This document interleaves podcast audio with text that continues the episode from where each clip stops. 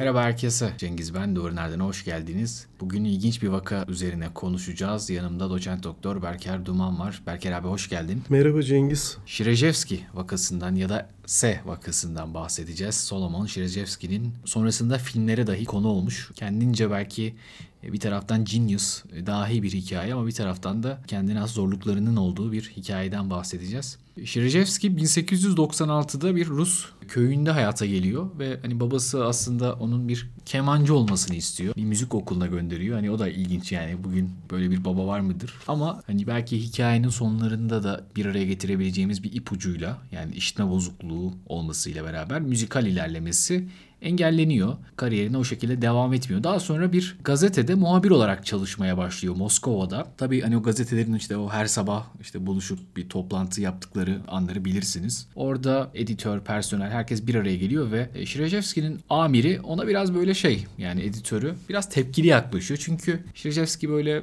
hani bir gazetede nedir? Olay işte not almak, işte bir şeyleri yazmak ama o böyle herhalde iki eli cebinde salona giren çok böyle dinleyemiyormuş gibi duran ve onun o zamanki amirinin de biraz bakışlarının üstüne çeken bir tavrı var. Çok dikkatsiz gözüküyor ve böyle bir suçlamayla karşı karşıya kalıyor.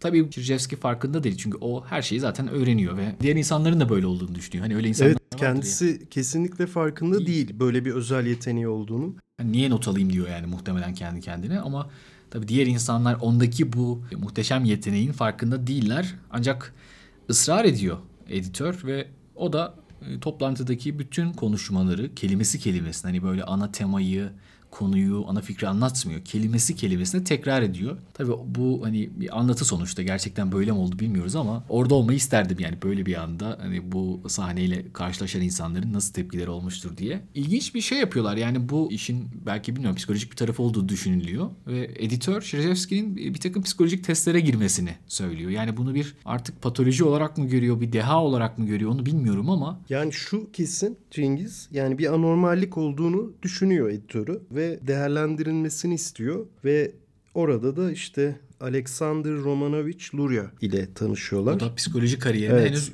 yeni başlayan genç bir psikolog ve herhalde hani böyle bir vakayla kariyere başlamak, hani bu vakayı takip etmek çünkü yaklaşık 30 yıl takip edecek bu vakayı. Hani bu yönüyle de oldukça ilginç. Ve ilk izlenimi aslında yine tuhaf. Çerçevski'yi gördüğünde düzensiz ve hatta donuk zekalı bir insan olduğunu düşünüyor. Evet.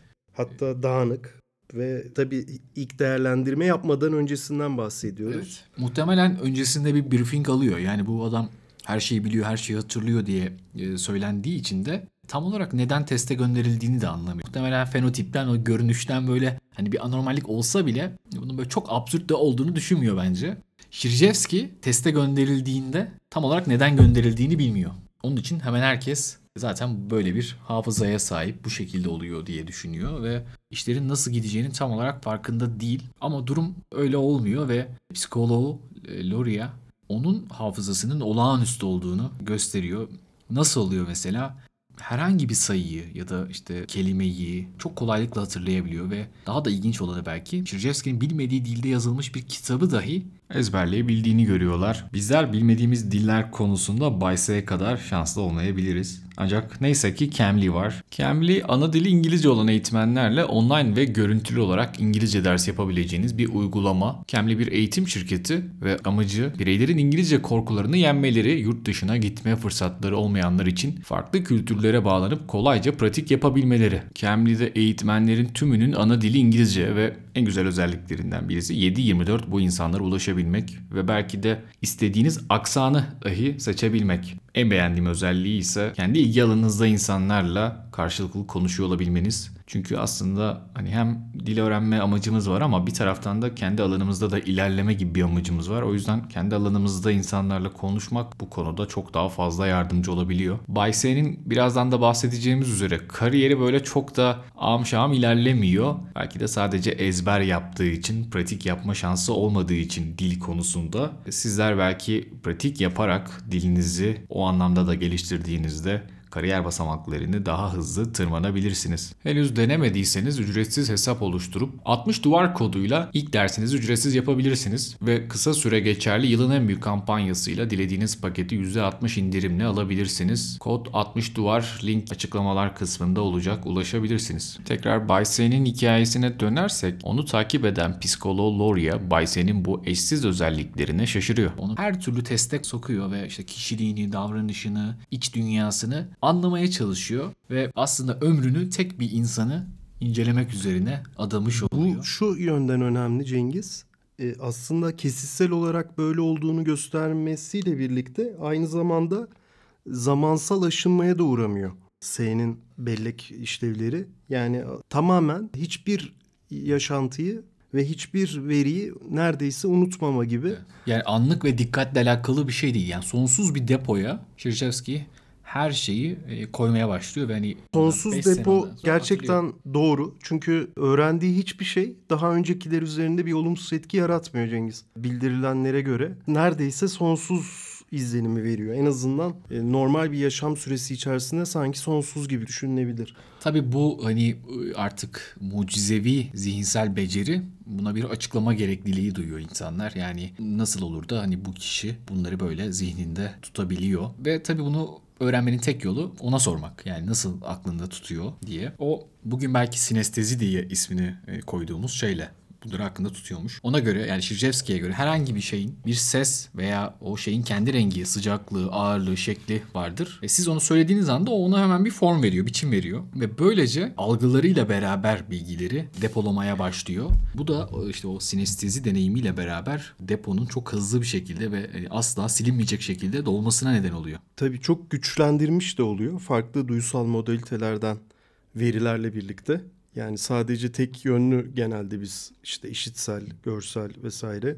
E, burada neredeyse tat algısına kadar ek birçok şeyle süslemiş oluyor ve güçlendirmiş oluyor. Algısal bir bellek mi diyelim buna? Sanki algılarla güçlendirilmiş. evet tam olarak sanki şey. öyle gibi Yani- ve unutma olasılığını bu çok çok azaltıyor herhangi bir veriyi. Aslında bu travma deneyimleri içinde söylenir ya yani işte travma mağduru o anın bütün detaylarını hatırlar bir anda böyle. Üzerinde şu vardı, şöyle kokuyordu, şöyle dokundu, işte şöyle patladı. Aslında birkaç saniyelik bir travma anında mesela bu kadar bir algı olduğunu düşünmez insan. Ama Evet aslında orada da bir Evet, e, bellekte bir aşırılık var. Çünkü travma anında muhtemelen bütün algılar bir anda açılıyor ve o da belki adaptif bir şey. Yani hani içerisinden e, çıkmanı sağlayacak işte bir koku, bir ses, e, bir görüntü varsa diye.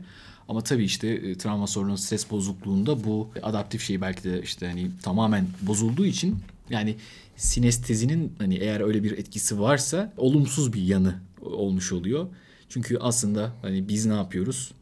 Elbette hani o hatıranın ağırlığını azaltmaya çalışıyoruz o kişideki. Hani unutturmak çok kolay ya da doğru tabir değil. Yani unutamıyor insanlar. Aslında buradaki S vakasında da yani unutmak mümkün olmuyor. İş belki de daha da karmaşık bir hale geliyor. Yani biz konuştuk ya abi hani hepimiz unutuyoruz bir şeyleri. Bizim için unutmak çok doğal geliyor. Zaman zaman da yakınıyoruz unutmaktan. Keşke her şeyi hatırlasak, zihnimizde böyle neyi okusak kalsa gibi bir şeyimiz var. İster misin Cengiz böyle bir şey? Ee, yani şöyle ister miyim? Hani biz hep şey diye düşünüyoruz yani bir şey aklımızda kalacaksa o hani bilgisayarda da aynı anda bir sürü program açtığında böyle bir donukluk şey oluyor yani hatırlasam bile o ısınır, ısınma yapar gibi. Eğer ısınma yapmayacaksa olabilir ama işte acıları da unutmak, işte yaşanılan kötü hatıraları unutmak gibi düşünürsek onu da herhalde istemem. Yani Ama- neyse ki bu kadar iyi bir belleğimiz yok herhalde. Çünkü e, ciddi şekilde herhalde bir sıkıntı kaynağı olurdu diye düşünüyorum ben. Esasında çünkü sürekli zaten zihnimiz otomatik olarak ayıklama yapıyor ve önemli olanları aslında tasnif ediyor. Esasında Cengiz doğada bu kadar önemli gibi gözüken aslında önemsiz olan veri de yok normalde. Yani öğrenmeye çalıştığımız şeyler o kadar teknik ayrıntı ve detay ki yani doğada çok karşılığı yok. O yüzden biraz öyle bir hevesimiz var muhtemelen. Örneğin çiftçilikle uğraşan bir kişinin bellekle bu kadar yakın bir işi var mı? Bir akademisyen, bir öğrenci Bence, gibi. Evet, bence kesinlikle yok ve bu zaten işte o bir takım testlerin, bellek testlerinin gelişimi aşamasında o farklı işte standart sapmaların çıkmasının ya da işte kültürler arası bariz farkların ortaya çıkmasının en büyük sebebi. Yani gerçekten şehir hayatıyla işte kırsal hayatta insanların bellekle ilgili o kapasitelerini aynı kullanma gereksiniminin olmadığını herhalde kabul etmemiz lazım. Ve e, belki de normal olanın o olduğunu kabul etmek lazım. Yani onu kabul ediyoruz da hani o insanlar gerideymiş gibi olması gerekenin işte bu herkesin üniversiteye gitmesi gereken bir işte lisans eğitimi alması gerektiği, liseyi tamamlaması gerektiği bir diploması ve bir alanda bir bilgi birikimine sahip olması gerektiğine dair bir inancımız var. Bu çok kolay değil aslında bir ekstra çaba öyle meydana gelen bir şey herhalde. Peki S'ye dönersek tekrar yani S'nin bu işte sinestezik deneyimle beraber pek çok şeyi hatırlaması ilginç tabii ama bir yandan da bir tehlikeyi de beraberinde geçiriyor. Yani hani onun için ne kadar tehlike bilmiyorum ama yani her şeyi de tam olarak hatırlayamayabiliyor. Yani unuttuğundan değil. Buradaki en önemli nokta o. Karıştırabiliyor bazen. Yani bazı nesneler işte böyle yakın renkler verdiyse ya da yakın bir sıcaklık derecesi belirlediyse onları aklında tutarken zaman zaman böyle arka plandan ayırt etmekte o kontrastı fark etmede zorluklar yaşıyor. Ve Loria da aslında belki bugün işte felsefe tartışmalarına bile yön verebileceğini düşündüğümüz, tahmin ettiğimiz bir şeyi öne sürüyor. Bunun herhangi bir ihmalden e, kaynaklanan ya da hafızanın bir e, probleminden ziyade bir algı hatası olabileceğini söylüyor. Hani bu da neredeyse epistemolojik tartışmalara gidiyor. Yani T vakasında onun ipuçlarını o e, yani başka dildeki bilgileri de çok kolaylıkla hatırlıyor olmasından alıyoruz. Yani o da onu aslında teyit etmiş oluyor Cengiz. Nasıl öğreniyor olduğunu ve o sinestetik deneyimine yönelik bir ipucu da vermiş oluyor. E şimdi onun için e, tabii ki S için böyle her kelime benzersiz ve canlı bir e, bir takım algısal e, şeyler oluşturduğu için diziler eş anlamlı şeylerde zorlanıyor. İşte böyle eş sesli sözcüklerde ya da metaforlardan rahatsız oluyor. Abi bu aslında bize neyi çağrıştırıyor? Hani bu bugün S yaşasaydı ve hani böyle bir rahatsızlık Çok hissetseydi. büyük olasılıkla e, otizm spektrum bozukluğu içerisinde değerlendirilirdi diye düşünüyorum Cengiz. Hani otizm spektrum bozukluğunda da böyle işte bazı seslerden, algılardan rahatsız olma ya da bazı işte belki S'deki gibi işte bir takım nöro gelişimsel bozukluklar olması, işte işitme. Muhtemelen o hastaların bir kısmında da böyle durumlar var. Belki çok iyi ifade edemedikleri için kendilerini hani biraz daha özellikle ağır vakalarda belki bazı sinestetik deneyimleri ya da benzersiz onlara özgü deneyimleri kaçırıyor da olabiliriz. Çünkü lisan bozukluğu da bir miktar olabiliyor bazılarında biliyorsun. Dolayısıyla bu yönüyle de vakaları ele alırken dikkatli bir şekilde değerlendirmek gerektiğini gösteriyor bu vaka. Sosyal etkileşimde de mesela hani zorlanıyor. Mesela otizm spektrum bozukluğuna yine benzeyen bir şey. Çünkü her yüz ifadesi onun için çok sayıda duysal deneyime yol açıyor. Ve o konuda zayıf aslında. Evet yani yüzleri en hatırlamakta, zayıf olduğu nokta. mimikleri e, takip etmekte. Yani otizm spektrumunun neredeyse hani kitabı bütün bilgileri S vakasında var. Yani burada tabii hani belki o şeye tekrar çevirmek lazım. Böyle çok işte aşırı yüksek işlevli, yüksek IQ'ya sahip otizm vakalarında da işte bazı şeyleri hiç unutmama, işte bu Yağmur Adam değil mi? Mesela öyle bir film vardı. Ya da böyle mesela ne bileyim Fazıl Say. Hani burada S'yi de babası kemancı olması için keman eğitimi alması için müziğe yönlendiriyor. Belki babası da bir şeyleri fark etmiş olabilir küçük yaşlarında. Hani düşününce yani kemana yönlendirmek hani dedim ya en başta çok biraz atipik geldi.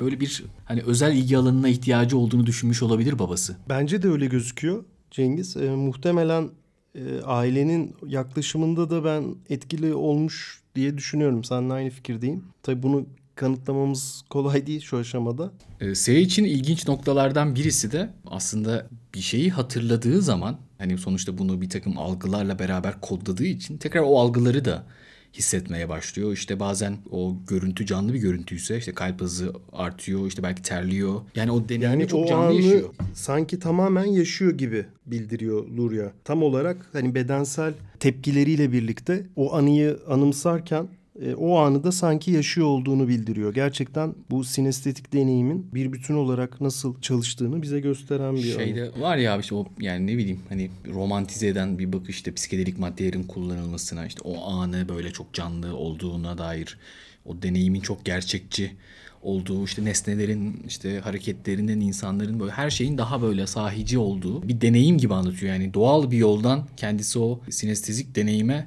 erişiyor. Bir yandan da tabii Yani ne kadar sarsıcı olabilir bir insan için. Ve S için belki de hani benim okuduğum şeyler arasında en ilginç şey şuydu. Yani şöyle bir ifadesi var. Bir şeyin anlamını kavrayabilmem için onu görmem gerek diye söylüyor.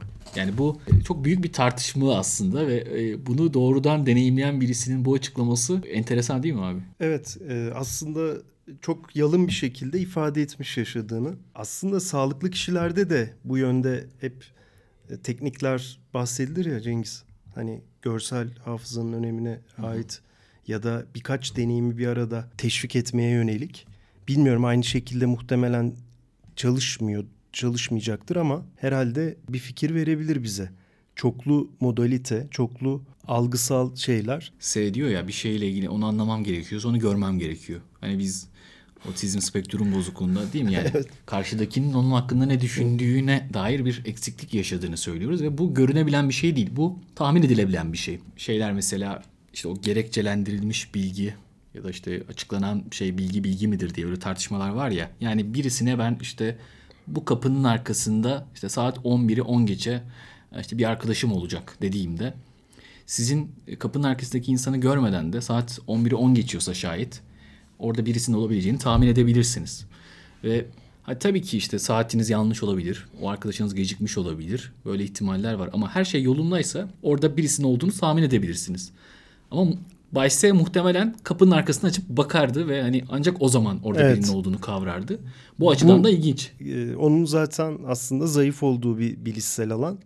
Esasında Cengiz bu vaka örneği de bize aslında şunu gösteriyor. Yani bu kadar e, olağanüstü belki tarihi yani dünya çapında belki bir numaralı bir yetiye sahip bir kişi hani doğru dürüst bir başarı da sağlayamıyor hayatta. Evet. Yani işte bir sürü şey e, çıkıyor. Taksi şoförlüğü yapıyor. İşte aslında e, taksi ufak, şoförü için iyi bir iş yani. İyi bir iş evet ama tutması. hani yani sanı, sanılanın aksine çok belirgin bir olağanüstü yeti sağlamıyor. Sadece normal günlük hayatı işlerini ancak e, görebiliyor. Yani bu da aslında şunu gösteriyor. Çok e, işlevsel işte, bir şey mi bu? Evet yani entegre çalışması hani bir modülün hormonlu olması ya da aşırı iyi çalışıyor olması hiçbir ekstra çıktıya sağlamıyor. Yani şöyle bir şey beklerdik belki yani okuduğunu hiçbir şeyi unutmayan bir insanın daha büyük bir tabii. yere gelmesi lazım. Tabii, tabii. Akademide ne bileyim NASA'da. Yani hani... bu kişi ağırlıklı olarak gösterilere falan katılıyor. Hani böyle evet. sirk gibi. Ya aslında hani benim belleğim kötü ya da benim hafızam kötü, işte benim dikkatim kötü gibi şeylerin başarıda belki de o kadar büyük bir kıstas olmadığını, hani önemli olanın hani sebat etmek, üzerine çalışmak, okumak, yaratıcı bir şeyler koymak. Yani tüm her şeyi hatırlamanın belki o zamanlar için bir avantajı olabilir. Çünkü bu kadar e, işte bilgisayarlar ama o zaman dahi yok. o zaman dahi çok fazla bir avantaj sağlamamış. İşte o zaman bile sağlamamış. Evet. Yani bugün e, siz her türlü bilgiye zaten ulaşabilirken yapmanız gereken şey o linki kurmak. Yani o bağlantıları bunların arasında bir işte hipotez oluşturmak, bunları denemek ve sonrasında bir çıkarımda bulunmak. Ee, yani her şeyi ezberlemek, hatırlamak, yaratıcılığa, ortaya bir eser koymaya herhalde çok büyük bir fayda sağlamıyor. Belki de bu yönüyle e, bugün yaşayan insanların işte ya tüh ben onu hatırlasaydım aslında ya neler yapardım diye. Bu şeyi de gösteriyor. Hani altı basamaklı iki sayıyı çarpmaya falan çalışan kişiler oluyor ya. Evet. Hani Onların çok hiçbir lüzumsuz. karşılığı olmadığı açık zaten. Hani bu T vakasında da önemli olan bilişsel yetilerin entegre ve bir bütün olarak e, etkili bir şekilde çalışıyor olması gibi gözüküyor. Bu vakada sanki bize bunu göstermiş diyebiliriz herhalde. Evet, S Salomon Shirjevski 1958 yılında 62 yaşında Moskova'da hayatını kaybetti. Geriye e, bu üstün dehasından yola çıkan pek çok film kaldı. O filmlerde aslında başroldekiler genelde işlerin içinden bu zeka sayesinde hani onlar biraz entegrasyon yeteneği de ekliyorlar tabii hani senaryo gereği. Ama tamamen Bayse'nin yetenekleri dahilinde e, senaryolar yazılsaydı o iki ayların sonu da muhtemelen öyle bitmezdi diye düşünüyorum. Abi ağzına sağlık. Teşekkürler Cengiz. Buraya kadar dinleyen herkese çok teşekkür ederim. Kendinize iyi bakın. Hoşçakalın.